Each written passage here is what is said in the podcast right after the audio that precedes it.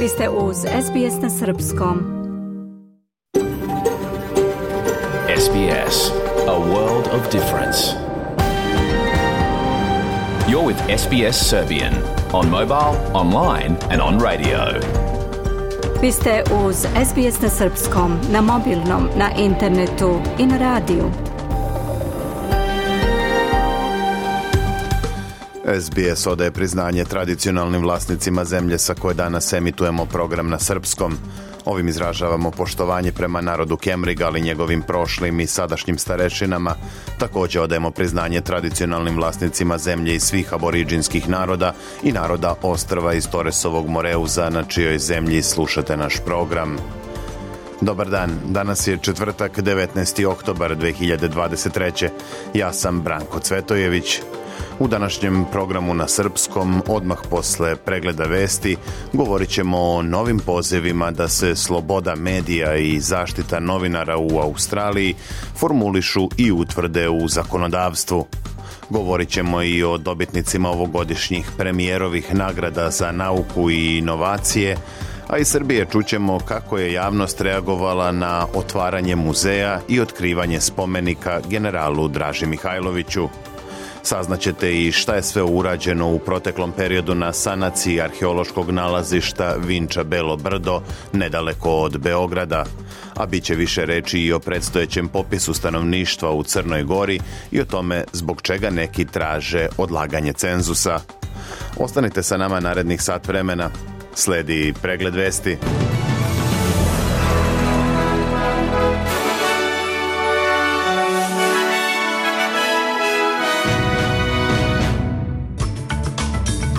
Nastavljaju se sukobi Izraela i Hamasa. Danas iz Tel Aviva posljednji let za repatriaciju australijskih državljana. Srbija je čelični prijatelj Kine poručio Xi Jinping posle susreta sa Aleksandrom Vučićem. Odbijen predlog opozicije za Kraljevsku komisiju o seksualnom zlostavljanju dece u starosedelačkim zajednicama.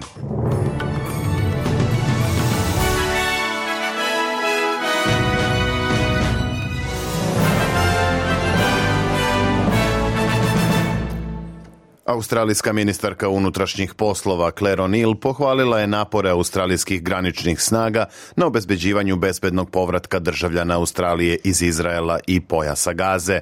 Danas tokom dana se očekuje da poslednji planirani let savezne vlade poleti iz Tel Aviva ka Australiji. Zvaničnici kažu da je više od 1500 australijanaca registrovanih u Ministarstvu spoljnih poslova napustilo region, dok je oko 1200 njih u kontaktu sa vladom i dobijaju dostavljaju obaveštenja o mogućnostima za povratak kući. Govoreći za Kanal 9, ministarka O'Neill je pozvala sve Australijance koji se još uvek nalaze u ratom zahvaćenim područjima da osiguraju sebi mesto na nekom od narednih letova ukoliko to bude moguće. Um, ne možemo da garantujemo da će kontinuirano biti letova, zato poručujem ljudima koji su u regionu, a posebno u Izraelu, da bi naredni let trebalo da smatraju poslednjim. Nastavit ćemo da koristimo svaku priliku, ali situacija se menja i nema garancija da ćete posle moći da odete, poručila je O'Neill. A savezni ministar za industriju i nauku Ed Husić izjavio je da palestinci plaćaju cenu za Hamasove napade na Izrael. Husić, kojeg je podržala ministarka za rano obrazovanje En Ali, rekao je da Australija treba da prizna da sukob Izraela i Hamasa ima veliki ljudski uticaj na Palestince. Izraelske zdravstvene vlasti kažu da je najmanje 1400 ljudi ubijeno u Izraelu, dok Hamasovo ministarstvo zdravlja u Gazi kaže da je najmanje 3478 ljudi ubijeno u izraelskim vazdušnim napadima na pojas Gaze. Ministar Husić koji je osudio Hamasove napade, rekao je radiju ABC da su u ovom sukobu Palestinci dehumanizovani kao narod. Uh, Imam snažan osjećaj da su Palestinci ovde kolektivno kažnjeni zbog Hamasovog varvarstva. Osjećam i da postoji obaveza za vlade, posebno za izraelsku, da poštuju pravila međunarodnog prava i da posebno poštuju da nevine treba zaštititi, rekao je Husić.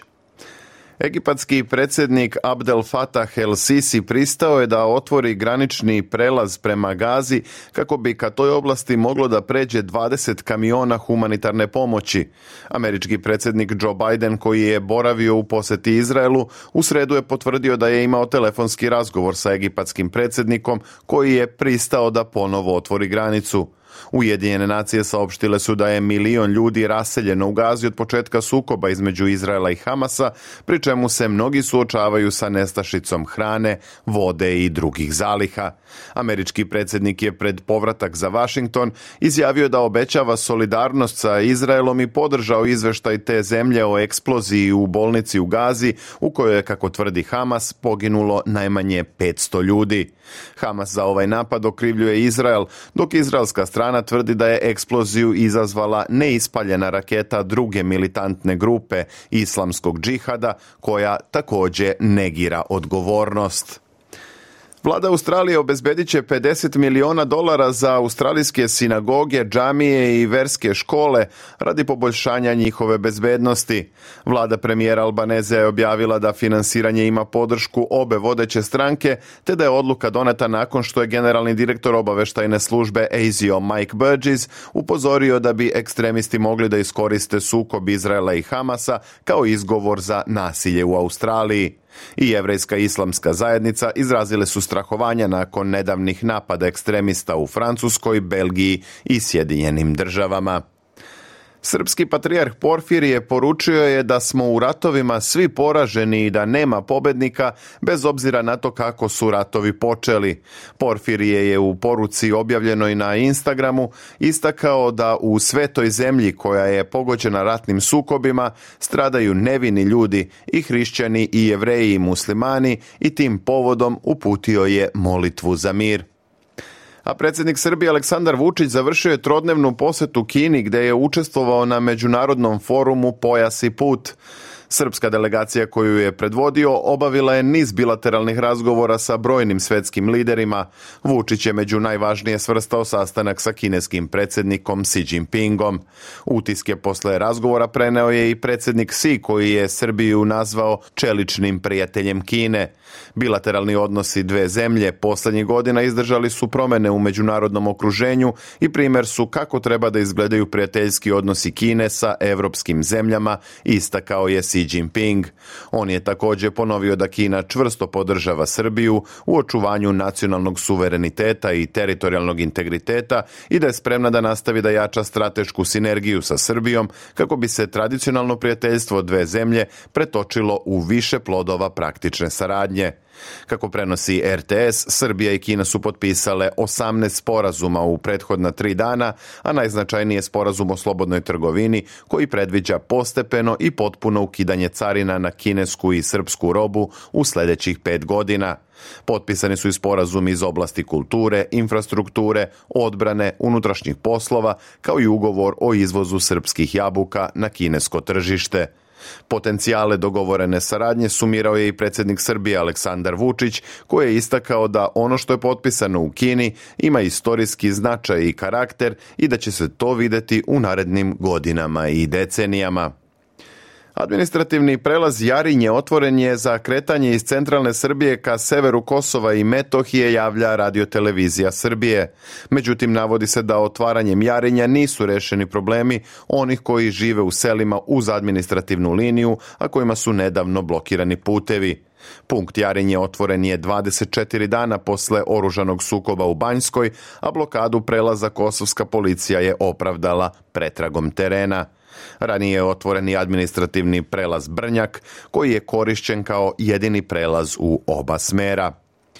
Više javno tužilaštvo u Smederevu podiglo je optužnicu protiv Uroša B, koji je, kako se sumnja, 4. maja u selima Malo Orašje kod Smedereva i Dubona kod Mladenovca ubio devet osoba i pokušao da liši života još 20 ljudi, od kojih je 12 ranio.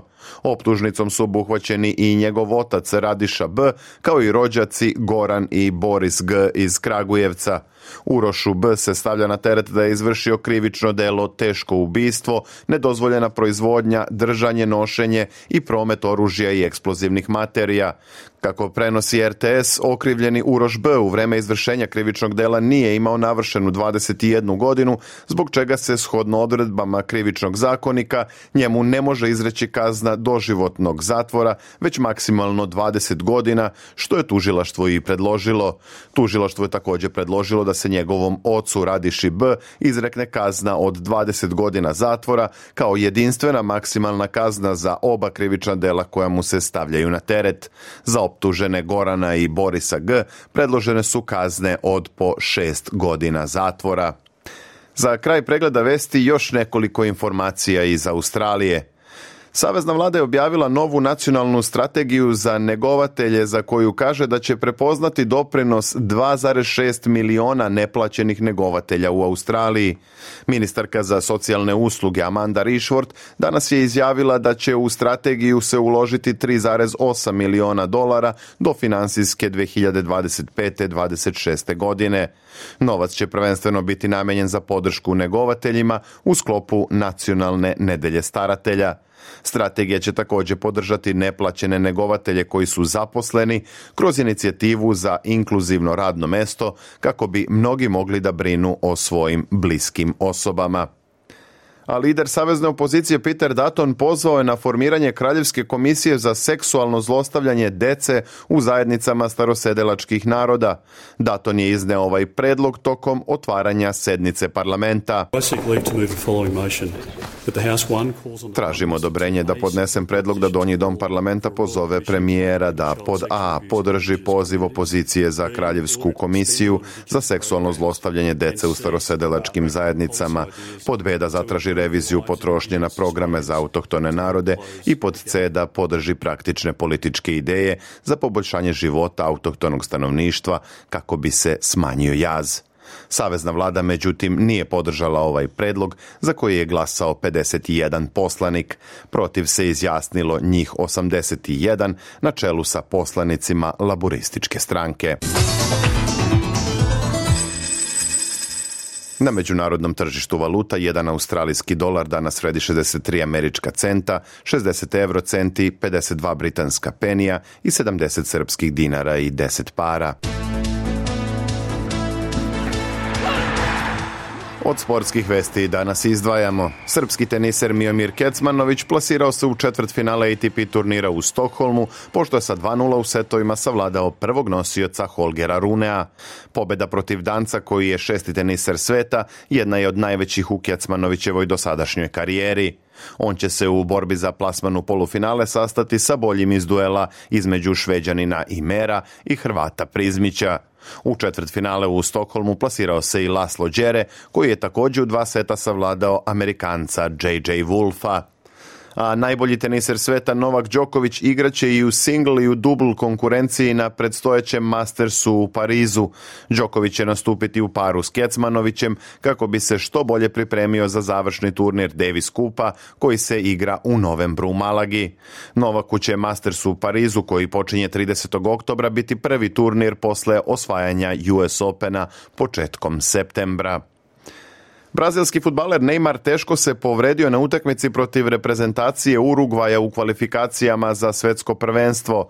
Napadač saudijskog Al Hilala povredio je prednje ukrštene ligamente kolena i očekuje ga duga pauza. Za Neymara je tekuća sezona završena, javili su brazilski mediji a futbaleri Crvene zvezde i Smedereva prvi su učesnici osmine finala Kupa Srbije.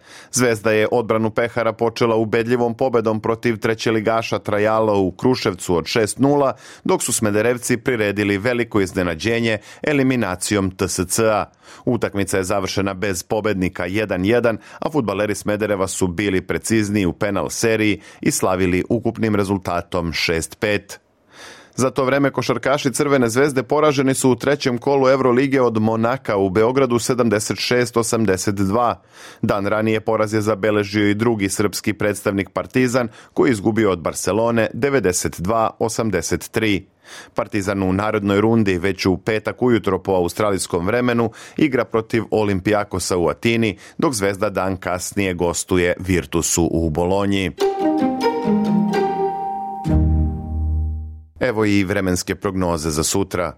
U Sidneju sunčano uz maksimalnu temperaturu od 25 stepeni, u Melbourneu uglavnom sunčano i 27, a u Kamberi takođe vedar dan i 26. U petak u Pertu sunčano i 27, u Brisbaneu povremeno oblačno i 28, a u Adelaidu će se takođe smenjivati sunce i oblaci do 28 stepeni. Sutra u Darwinu uglavnom sunčano i 34, a u Hobartu moguća kiša i najviše 19 stepeni. U Srbiji danas kišovito, temperatura od 13 do 26 stepeni. Bilo je to sve u pregledu vesti na srpskom jeziku za 19. oktobar 2023. Za više informacija posetite sbs.com.au kosacrta news.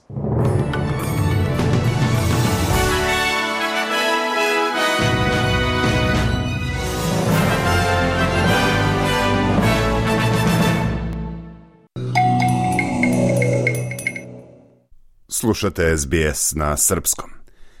Puštanje na slobodu novinarke Chang Lei iz kineskog zatvora ponovo je pokrenulo temu slobode medija. Posle skoro pune tri godine, nekadašnja voditeljka kineske nacionalne televizije vratila se svojoj porodici u Australiju. Nedugo po dolasku u Melbourne, Chang Lei je razgovarala telefonom sa premijerom Australije Antonijem Albanezeom. Hello, Prime Minister. What an honor. This is the... I'm so pleased to be able to... Kinesko ministarstvo spoljnih poslova saopštilo je da je Cheng Lei puštena iz pritvora nakon što joj je istekla presuda od dve godine i 11 meseci na osnovu optužbe o odavanju državnih tajni. Međutim, bivši premijer Australije Scott Morrison kaže da ne može da prihvati takvo obrazloženje. Ništa od ovoga ne smatram ubedljivim. Ona nikada nije trebalo da bude pritvorena, niti bi trebalo da budemo zahvalni kineskoj vladi što je ona ponovo kod kuće. Posebno nije trebalo da bude pritvorena u tim okolnostima. Slučaj Cheng Lei je poslednji u nizu primera zatvaranja australijskih novinara u inostranstvu. Poznat je i slučaj Pitera Greste, koji je 2015. uhapšen u Egiptu pod optužbom za terorizam. Gresta se ove sedmice obratio medijima u nacionalnom pres klubu u Kamberi, izražavajući zabrinutost da bi Australija mogla da krene stopama Egipta, koristeći svoje zakone o nacionalnoj bezbednosti za stvaranje kulture tajnosti i pritisak na novinarstvo koje ne smatra pogodnim. Gresta je tom prilikom podsjetio na raciju u kući novinarke Anike Smethurst 2020. godine kao primer kako je zakonodavstvo počelo da kriminalizuje ono što se nekada smatralo legitimnim novinarskim izveštavanjem – Ta racija se desila iste nedelje kada su službenici Australijske federalne policije pretresli i kancelarije ABC-a zbog izveštavanja o optužbama za ratne zločine u Afganistanu. Ovakav potez policije izazvao je žestoko negodovanje javnosti, a privukao je i veliku međunarodnu pažnju. Vrhovni sud je na kraju utvrdio da je nalog koji je federalna policija koristila za raciju nevažeći, i tada je naloženo da se isti poništi. Taj sudski spor je kasnije doveo i do dve parlamentarne istrage kao i niza ministarskih direktiva. Skoro tri godine kasnije Peter Gresta kaže da je ipak došlo do pozitivnih promjena. Vlada je usvojila zakon o Nacionalnoj komisiji za borbu protiv korupcije koji uključuje određene mere zaštite za novinare i njihove izvore. Usvojene su i izmene zakona o uzbunjivanju, a državni pravobranilac Mark Dreyfus je naručio reviziju zakona o kršenju tajnosti Commonwealtha kako bi se utvrdilo da li ti ti zakoni adekvatno štite novinarstvo koje je od javnog značaja. Vlada je rekla i da će primeniti preporuke zajedničkog parlamentarnog odbora za obaveštajne poslove i bezbednost koje je dala nakon tih racija AFP-a. Radila je i na harmonizaciji državnih zakona o zaštiti novinara na sudu, naveo je Gresta. Ipak, Alijansa za slobodu novinara, organizacija koju vodi Peter Gresta, smatra da ima još mnogo posla na zaštiti slobode medija. Gresta kaže da se u mnogo navrata posle tih racija 2020. postavljalo pitanje kako da uspostavimo balans između slobode štampe i nacionalne bezbednosti, On smatra da je to pogrešan način da se situacija uopšte i posmatra i ocenjuje to kao lažnu binarnost. Prema njegovim rečima, ideja o ravnoteži sugeriše da po definiciji, ako imamo više jednog, onda imamo manje drugog. Ali ono što smo videli poslednjih godina je da uzbunjivanje od strane odgovornih novinara zapravo poboljšava nacionalnu bezbednost jer oni razotkrivaju propuste bezbednostnih agencija i pokreću važne javne debate o našim nacionalnim prioritetima. Time se održava transparentnost važna za efikasnu demokratiju. Prema mišljenju Pitera Greste, slobodu medija i uzbunjivanje trebalo bi da smatramo sastavnim delom naše nacionalne bezbednosti. Gresta dodaje i to da još uvek ima uzbunjivača koji se gone zbog ispravnog otkrivanja podataka. Tu pre svega misli na Richarda Boyla koji je otkrio agresivnu taktiku naplate od strane Poreske uprave Australije, kao i na Davida McBrida koji je razotkrio navode o ratnim zločinima australijskih vojnika u Afganistanu. Alijansa za slobodu novinara sada predlaže zakon o slobodi medija, koji bi funkcionisao na sličan način kao i zakoni o ljudskim pravima u Queenslandu, Viktoriji i ACT-u. There the, the laws do three very simple things. Ti zakoni obezbeđuju tri veoma jednostavne stvari. Prvo primoravaju parlament da uvek razmatra ljudska prava kad donosi nove zakone. Zatim, sudovi uvek moraju da tumače postojeće zakone na način koji je u skladu sa ljudskim pravima. I treće, Državni službenici moraju da deluju na način koji podržava ljudska prava. Gresta smatra da ako se reči ljudska prava zamene sa sloboda medija, onda ćemo biti blizu rešenja koje bi imalo duboke implikacije na odnos između vlade i medija, a preko njih bi se odnosilo i na ljude kojima i jedni i drugi treba da služe. Autorka izveštaja je Debora Groark iz informativne redakcije SBS-a. Slušate program na srpskom. Ja sam Branko Cvetojević.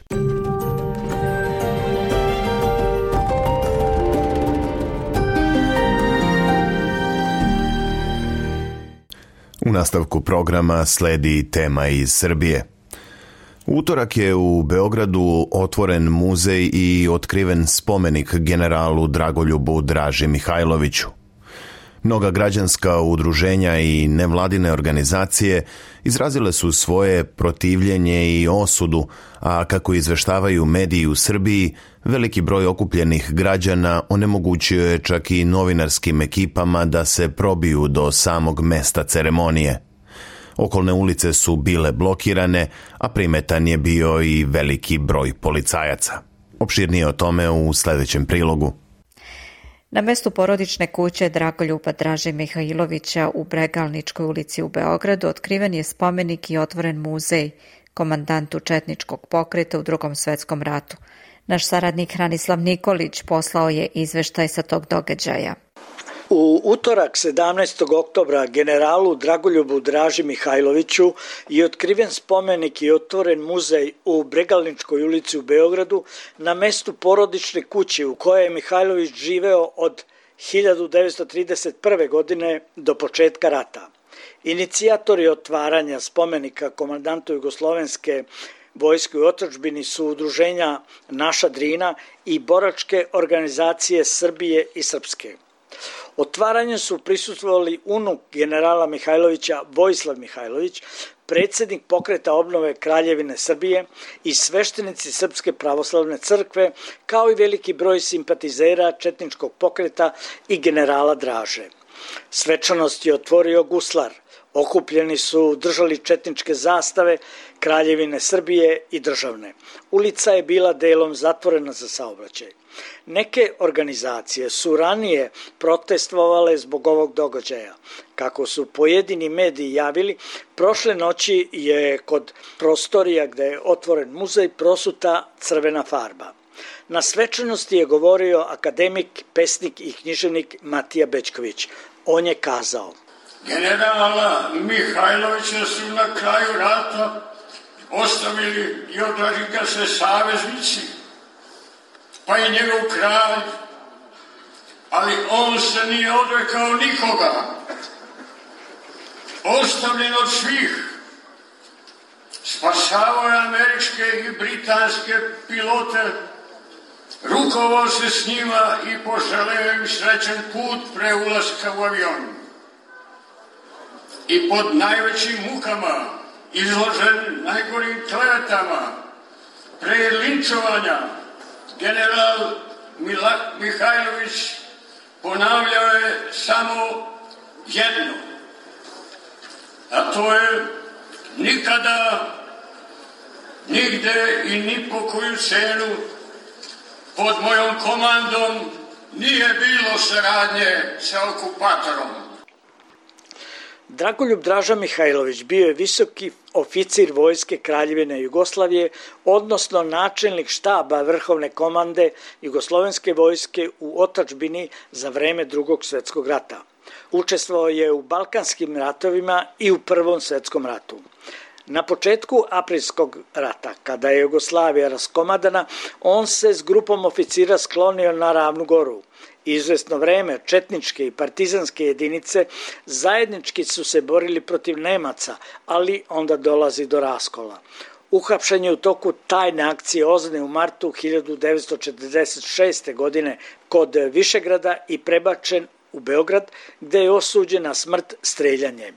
Mesto gde je pogubljen ni do danas nije otkriveno. Viši sud u Beogradu rehabilitovao je Mihajlovića u maju 2015. godine. Pre nekoliko dana u Beogradu su postavljeni bilbordi na kojima se najavljuje otvaranje muzeja i otkrivanje spomenika Draži Mihajloviću. Na bilbordu, od kojih jedan bio u Bregalničkoj, dominira poruka Beograd sme. Iz Beograda za SBS Hranislav Nikolić. Uprava grada Beograda je saopštila da nije doneta odluka o postavljanju spomenika. Gradska komisija za spomenike nije se izjašnjavala jer je Sekretarijat za kulturu odbio zahtev zbog nepotpune dokumentacije, objasnio je član komisije Vladimir Pajić za televiziju N1.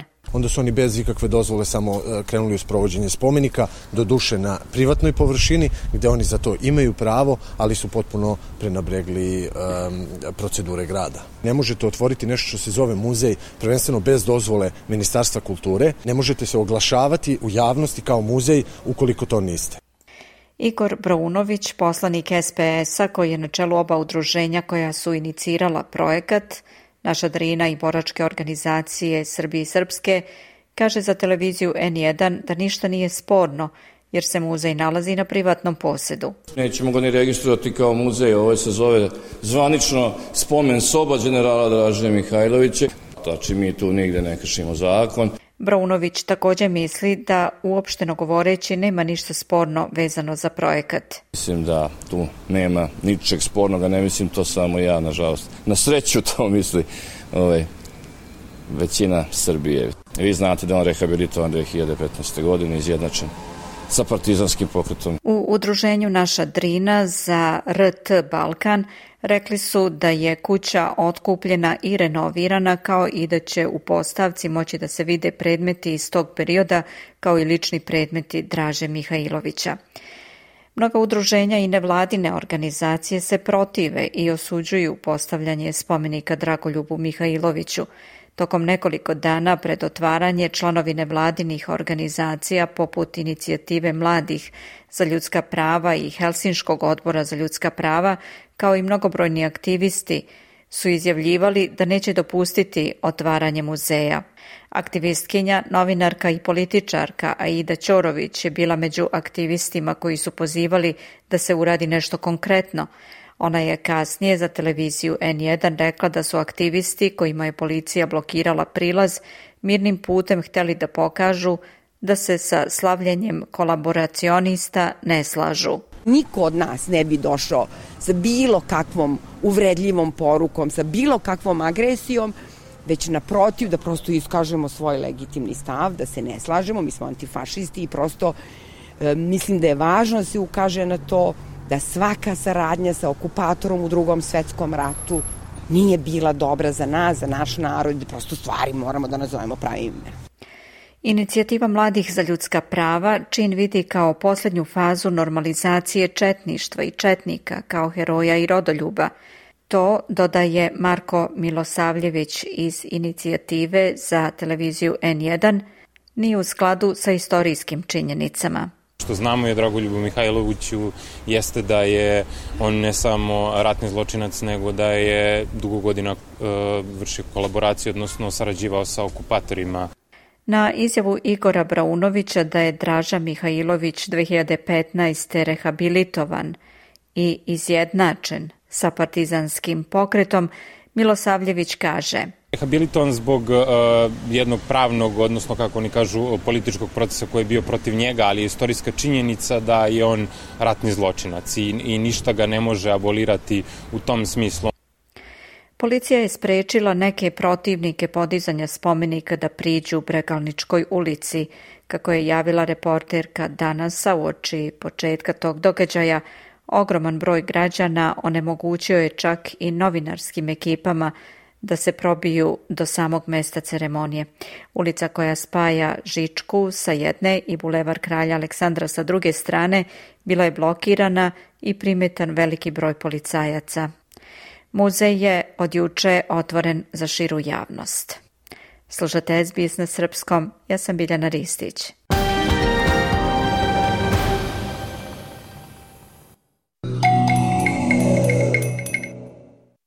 Slušate SBS na srpskom. Nacionalni saveti manjinskih naroda i nacionalnih zajednica u Crnoj Gori apelovali su na vladu i nadležne institucije te zemlje da odlože predstojeći popis stanovništva kako bi se stekli adekvatni uslovi za njegovo održavanje – Potpisnici apela smatraju da nadležne institucije ne mogu u predviđenom roku do 1. novembra da obezbede potrebne tehničke uslove kako bi se proces odvijao bez zastoja i u punom kapacitetu.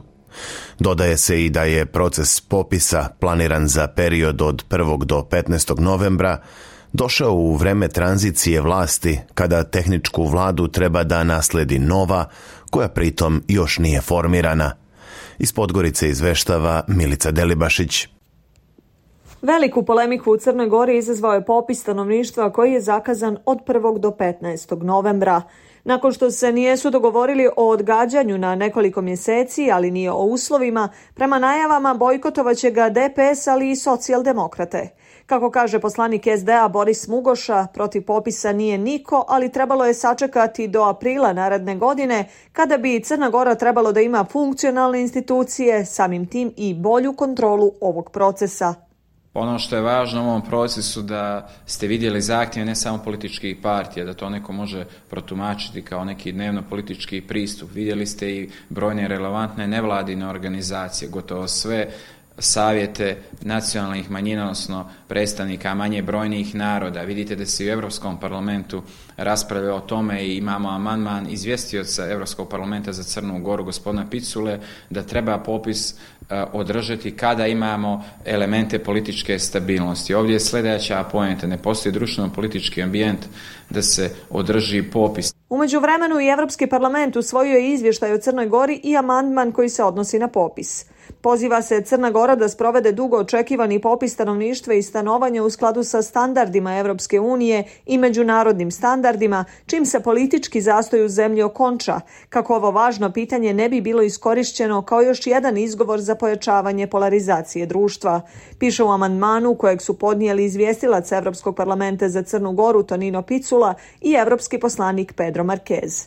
Predsjednik Crne Gore Jako Milatović indirektno je poručio Piculi da se svrstao na stranu pojedinih političkih partija. Ne bih volio da je gospodin Picula zloupotribljen od strane nekih lokalnih političara da bude njihov mikrofon u Evropskom parlamentu To naravno ne bi bilo dobro ni za gospodina Piculu. Mislim da gospodin Picula ima vrlo jasne stavove relevantnih evropskih institucija, u ovom smislu prije svega Eurostata. Mislim da je Crna Gora trenutno dovoljno demokratski izrela da sprovede popisi, da se prosto onako više stavi fokus na neke druge možda rezultate tog popisa. Pozivanje na bojkot popisa je pozivanje na jedno protivzakonito djelo. Da je bojkot protivzakonite, da su sve pripreme urađene na najbolji mogući način, ali i utrošena milionska sredstva, pa Crna Gora nema luksus da sada i odloži taj proces, kazao je ministar financija Aleksandar Damjanović. Dakle, pozivi na bojkot e, su samo politizacije, ne doprinose ničemu i na kraju se uvijek vrati onome ko poziva na bojkot. Dakle, ne treba pozivati e, građane na kršenje zakona, naprotiv treba dati puni doprinos da ova priča prođe na najbolji mogući način u demokratskom duhu, kao što su prošla i, gotovo, i tri izborna ciklusa koja smo imali nedavno ove godine. Prema tome, e, nadam se da e,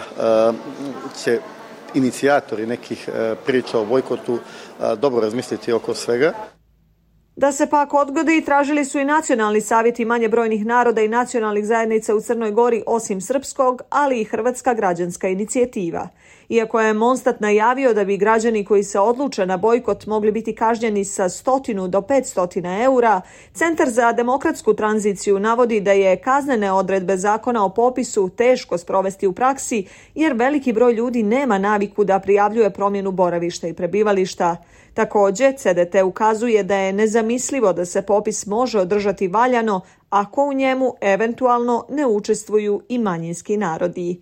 Za SBS na Srpskom iz Podgorice Milica Delibašić. Slušajte SBS na Srpskom, na mobilnom, na internetu i na radiju.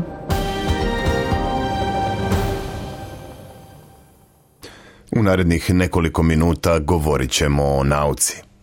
Ove sedmice u Australiji dodeljene su prestižne premijerove nagrade za nauku i inovacije.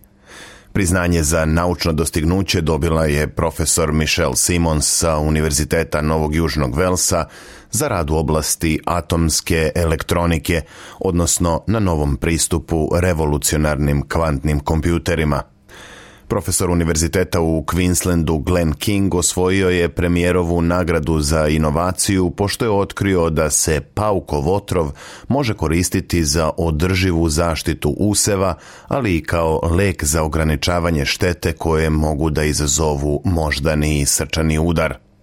Oba laureata su dobila i novčanu nagradu za svoja dostignuća, po 250.000 dolara – Nagradu dobitnici priznanja za nauku profesorki Simons uručili su savezni premijer Antoni Albaneze i ministar nauke Ed Husić.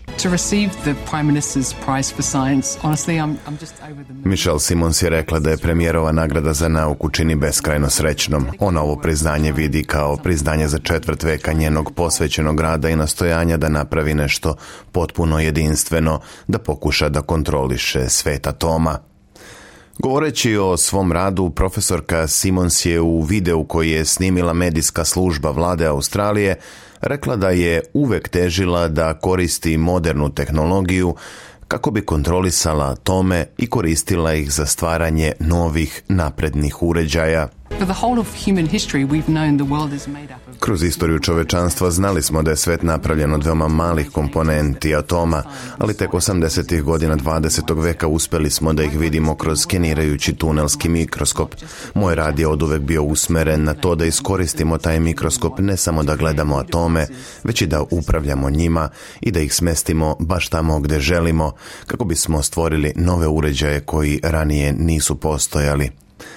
Profesorka Simons je direktor ARC Centra za kvantni computing pri Univerzitetu Novog Južnog Velsa i osnivač kompanije Silicon Quantum Computing. Njen tim je komercijalizovao novi pristup izgradnji kvantnog računara koristeći komponente napravljene atomskom preciznošću. Reč je o globalno jedinstvenom projektu kakav ne postoji drugde u svetu. Simons kaže da su ona i njeni saradnici 2017. osnovali Silicon Quantum Computing, prvu takvu kompaniju u Australiji. Silicon Quantum Computing je ujedno i jedina kompanija u svetu koja može da proizvodi sa atomskom preciznošću. Naša misija je da stvorimo prvi kvantni kompjuter u svetu koji će automatski ispravljati greške, da ga stvorimo ovde u Australiji. Simon se istakla i da su od prvog dana osnivanja kompanije ona i njen tim imali podršku vlade, univerziteta i industrije koji su prepoznali značaj projekta i pomogli zajedničkim snagama. When we created the company, we actually had the Prema njenim rečima, kvantni kompjuteri će imati uticaj na svaku industriju koja se oslanja na podatke, bilo da je reč o nameri avijacije da smanji troškove goriva, stvaranju efikasnijih đubriva za poljoprivredu ili upotrebu u medicini kako bi se maksimalno skratilo vreme za dizajniranje novih lekova. Simons je takođe iznela mišljenje da su naučnice često pocenjene u savremenom svetu, iako nauka ima velike koristi od većeg učešća žena. Ova naučnica inače dobitnica L'Orealove UNESCO nagrade za žene u nauci za 2017. godinu, a bila je izabrana i za Australijanku godine. Drugu najvredniju premijerovu nagradu dobio je profesor Glenn King sa Instituta za molekularnu bionauku na Univerzitetu u Queenslandu. Priznanje za inovaciju pripalo mu je za pionirsku upotrebu peptida iz otrova australijskog pauka za održivu zaštitu useva, ali i za ljudsku zdravstvenu terapiju. Njegove kompanije Vestaron i Infens Bioscience Razvile su i preparat na bazi otrova pauka za pomoć u lečenju posledica moždanog i srčanog udara. Slušate SBS na srpskom. Ja sam Branko Cvetojević. Ostanite uz nas. SBS na srpskom. Podelimo priče na Facebook stranici.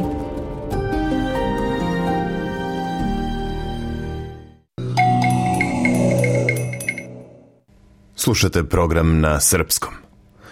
U nastavku govorimo o virtuelnoj stvarnosti i njenoj upotrebi u umetnosti. Zamislite kako bi bilo kada bi umetnička dela mogla da govore. E, pa u jednom muzeju u Holandiji otvorena je izložba koja posetiocima kazuje priče ukradenih umetnina. To zapravo znači da možete postati svedok krađe nekih od najvrednijih umetničkih dela u istoriji – Prilog Debore Groark za program na srpskom pripremila je Nataša Kampmark. Vi ste uz SBS na srpskom. Zamislite da ste direktor muzeja i da se u posjedu tog muzeja nalaze predmeti koji su nekad u prošlosti ukradeni. Šta biste uradili? Marin Grosling je upravnica muzeja Maurits Hayes, koji se nalazi u holandskom gradu Hagu i ona kaže da je muzej i tekako svestan složene situacije u vezi sa ukradenim umetninama i artefaktima. I think it's very painful to see all those uh, cultural objects. Uh, Mislim da je veoma bolno videti sve te predmete od kulturnog značaja u skladištima evropskih muzeja, zato što znamo da je narodu kome ti predmeti pripadaju oduzet deo njihove kulture ali isto tako sam zahvalna zbog toga što znam da naši muzeji konačno u najnovije vreme takođe dosta rade na restituciji tih predmeta, kaže upravnica muzeja. Restitucija i vraćanje umetnina i antikviteta njihovim vlasnicima postale su glavne strategije muzeja širom sveta. Sjedinjene države su vratile oko 17.000 opljačkanih артефакта u Irak, koji je decenijama bio u centru нелегалне trgovine ukradenim antikvitetima, ali za mnogim predmetima se i dalje traga pre dve godine na ceremoniji povodom vraćanja ploča sa zapisom dela epa o Gilgamešu, Steve Francis iz službe unutrašnje bezbednosti rekao je da proces repatriacije nije završen. Iako priznajemo da se kulturnim dobrima, umetninama i antikvitetima često pripisuje vrednost u dolarima na tržištu, Kulturna, istorijska i simbolička vrednost ovih iračkih blaga prevazilazi svaku novčanu vrednost. Ovi artefakti pripadaju narodu Iraka i ponosni smo što im pomažemo da ih pronađu i vrate u zemlju, rekao je Francis. Nazad u Holandiji, niz predmeta upravo su zvanično vraćeni Indoneziji. Hilmar Farid je glavni direktor Odeljenja za kulturnu baštinu pri Ministarstvu kulture Indonezije. We consider these objects as um, missing items in our historical narrative. Smatramo da ovi predmeti nedostaju u našem istorijskom narativu, a oni naravno igraju različite simbolične i kulturne uloge. Na primer, ove statue koje se nalaze iza mene imaju posebnu ulogu u obredima. Dakle, njihovo vraćanje znači da ćemo ih reintegrisati u njihov kulturni kontekst, a to za nas naravno ima simboličan značaj, kaže Farid. Muzej Maurice Heis pokušava da se izbori upravo sa takvom istorijom a jedan od načina suočavanja sa prošlošću jeste nova izložba koja u centar pažnje stavlja opljačkana umjetnička dela pod nazivom Opljačkano, 10 priča, izložba se fokusira na tri perioda. Na umetničke predmete opljačkane tokom kolonijalnog perioda, na krađe koje su počinili francuski revolucionari 1795. godine i umetnine koje su nacisti ukrali od jevrejskih vlasnika. Marin Grosling kaže da se tehnologija virtuelne stvarnosti koristi kako bi se ispričale priče o ukradenim predmetima a museum is there to make those objects look more beautiful. Muzej je tu da bi predmete predstavio u što lepšem svetlu, ali mi to ne činimo na ovoj izložbi. Kao što vidite, svetlo je sasvim obično radno svetlo. Potrebno je da stavite naočare za prikaz virtuelne stvarnosti i uronite u trenutak kad se desila krađa. Time kao posetilac postajete svedok krađe, a predmet pripoveda znači svoju priču. Sve se svodi na biografiju predmeta. Oni vam znači kao posetiocu pričaju svoje priče, objašnjava upravnica muzeja. Jedno od umetničkih dela koja se mogu videti u virtuelnoj stvarnosti jeste i Rembrandtov autoportret iz 1669. godine. Ta slika je bila vlasništvo jevrejske porodice Ratenau, ali su im je nacisti oduzeli tokom Drugog svetskog rata. Kvadriga, to jest četvoropreg koji je Napoleon ukrao sa Brandenburške kapije u Berlinu 1806. godine, takođe se može videti na ovoj izložbi. Jedan od kustosa muzeja, Kel O'Neill, kaže da virtuelna stvarnost pruža posetiocima drugačiji doživljaj ovih blaga od neprocenjive vrednosti – jer objašnjava odakle su opljačkani predmeti došli, zašto su ukradeni i postavlja pitanje kako bi mogla izgledati budućnost muzeja nakon što deo kolekcije bude vraćen. Yeah, I mean it's funny because there's the there's the question of technical challenge, right? And then there's also the Izložba je neobična jer postoji pitanje tehnološkog izazova, a osim toga nameće se i pitanje kako želite da ispričate priče iz neobičnog ugla pomoću ovih novih video snimaka. Pitanje je i da li zaista možete da ispričate priču pomoću virtuelne stvarnosti. Zato smo odlučili da pomoću ove tehnologije ljudima pružimo doživljaj koji će ih uvući u istoriju. U suštini izgleda kao da ste ušli u vremeplov i vratili se u prošlost kojoj inače ne biste mogli da pristupite, objašnjava Kustos. Thank Želite da čujete još priča poput ove? Slušajte nas na Apple Podcast, Google Podcast, Spotify ili odakle god slušate podcast.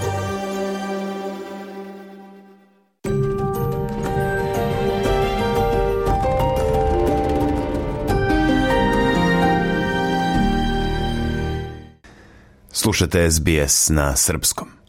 Premijerka Srbije Ana Brnabić i ministarka kulture Maja Gojković – Obišle su krajem prošle sedmice arheološki lokalitet Belo Brdo Vinča zajedno sa ambasadorom Sjedinjenih američkih država u Srbiji Kristoferom Hillom.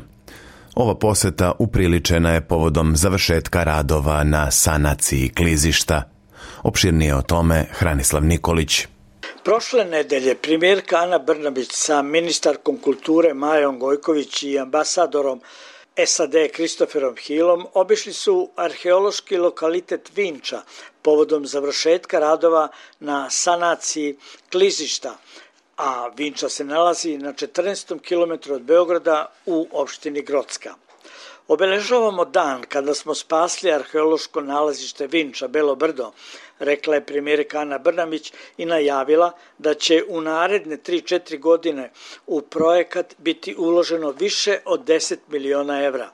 Zatim je nastavila. Što se tiče klizišta, dakle kažem, mi smo praktično ovim zaustavili ne samo propadanje arheološkog nalazišta Vinča Belo Brdo starog 7000 godina, već potpuno nestajanje. Zato što ne znam koliko ljudi mo mogu da razumeju, ja se sećam kada sam prvi put rekla ovaj projekat mora biti prioritet i to je kada sam u stvari čula i naučila da svake godine zbog klizišta deo po deo arheološkog nalazišta koje je jedno od najvažnijih na svetu što nikada ne bi rekli kada pogledate ovo ovde sada kako izgleda a pritom smo ga od tada još i uredili i još proširili dakle da odlazi nepovratno u Dunav samo odlazi i da smo imali ovakav odnos kao što smo imali prethodnih pet decenija još narednu jednu deceniju više ne bi postojalo Tako da smo morali hitno da radimo na sanaciji,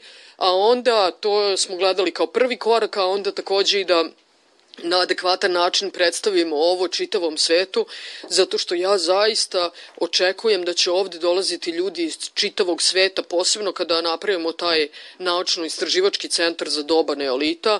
E, imamo odlične odnose sa Sjedinim američkim državama, na kraju krajeva i ljude koji su povratnici, koji su studirali na univerzitetima u Sjedinim američkim, Sjedinim američkim državama i došli ovde, studirali upravo kulturu doba neolita, došli ovde i sada rade ovde, tako da svi zajedno to nekako timski radimo, stvarno je jak tim okupljen oko ovoga, a onda kada pogledate, uvek tražimo um, kako možemo da budemo stvari ili projekte na kojima možemo da pokažemo odgovornost prema prošlosti, uh, odgovornost prema budućnosti i šta je to što ostavljamo mi kao odgovornim budućim generacijama, što spasimo, sačuvamo e, za njih, ali i takođe kakvog to smisla ima za širu zajednicu, kao što je slučaj ovde sa opštinom Grocka, što mi je posebno, posebno drago. Ali takav je sličan projekat, e, podsjetit ću vas, e, Caričin grad Justinijana Prima u opštini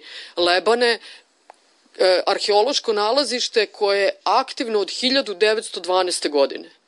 I prvi put smo ga mi ove godine ogradili da ljudi više ne bi mogli slobodno da uđu, da uništavaju, da kradu, da rade šta god žele. Prvi put od 1912. godine je postoji vlast u Srbiji koja razume važnost, koja je dovoljno odgovorna da to krene da čuva.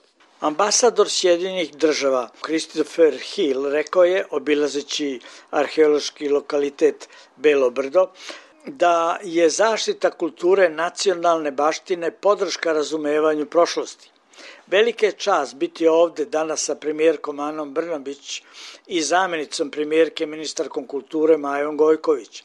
Ambasada Sad je veoma ponosna zbog učestvovanja u ovom projektu na mali, ali volio bih da mislim značajan način, istako je Hill. Vlada SED je podržala projekat kroz ambasadorov fond za zaštitu kulturne baštine u iznosu od 475.000 dolara. Vinča je pojam kojim se obeležava zenit evropskog neolita – Između 5300. i 4500. godine pre nove ere, prostor današnje Srbije i centralnog Balkana postaju kulturno središte Evrope, a na mestu današnje Vinče formirano je veliko naselje.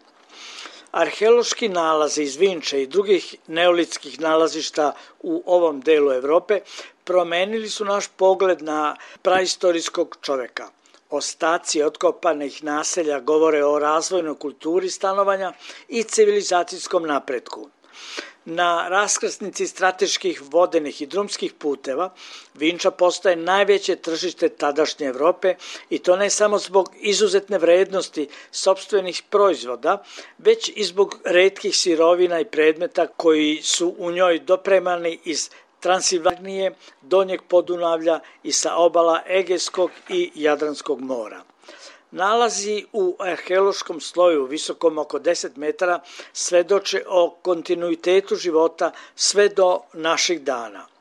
Ti slojevi iz Vinče sadrže prave riznice najraznovrsnih predmeta, alate od kamena i životinskih kostiju, keramičko posuđe za svakodnevnu upotrebu, luksuzne posude od keramike, raskošno dekorisane ritualne vaze, veliki broj figurina, nakit od raznih vrsta skupocenih materijala i druge predmete izrađene u samoj Vinči ili pribavljene iz udaljenih oblasti Srednje Evrope.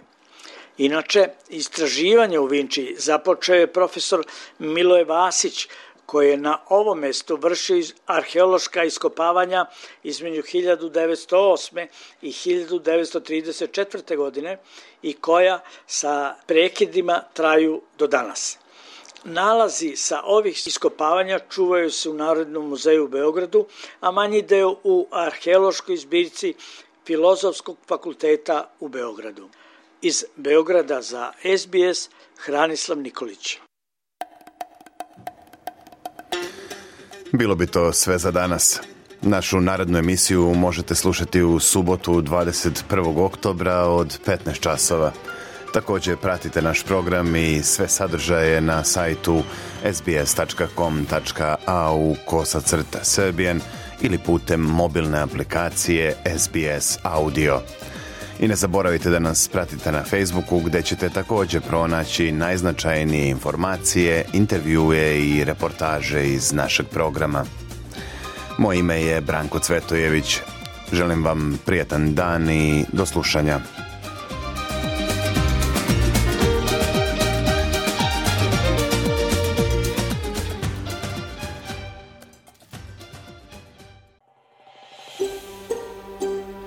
Želite da čujete još priča poput ove? Slušajte nas na Apple Podcast, Google Podcast, Spotify ili odakle god slušate podcast.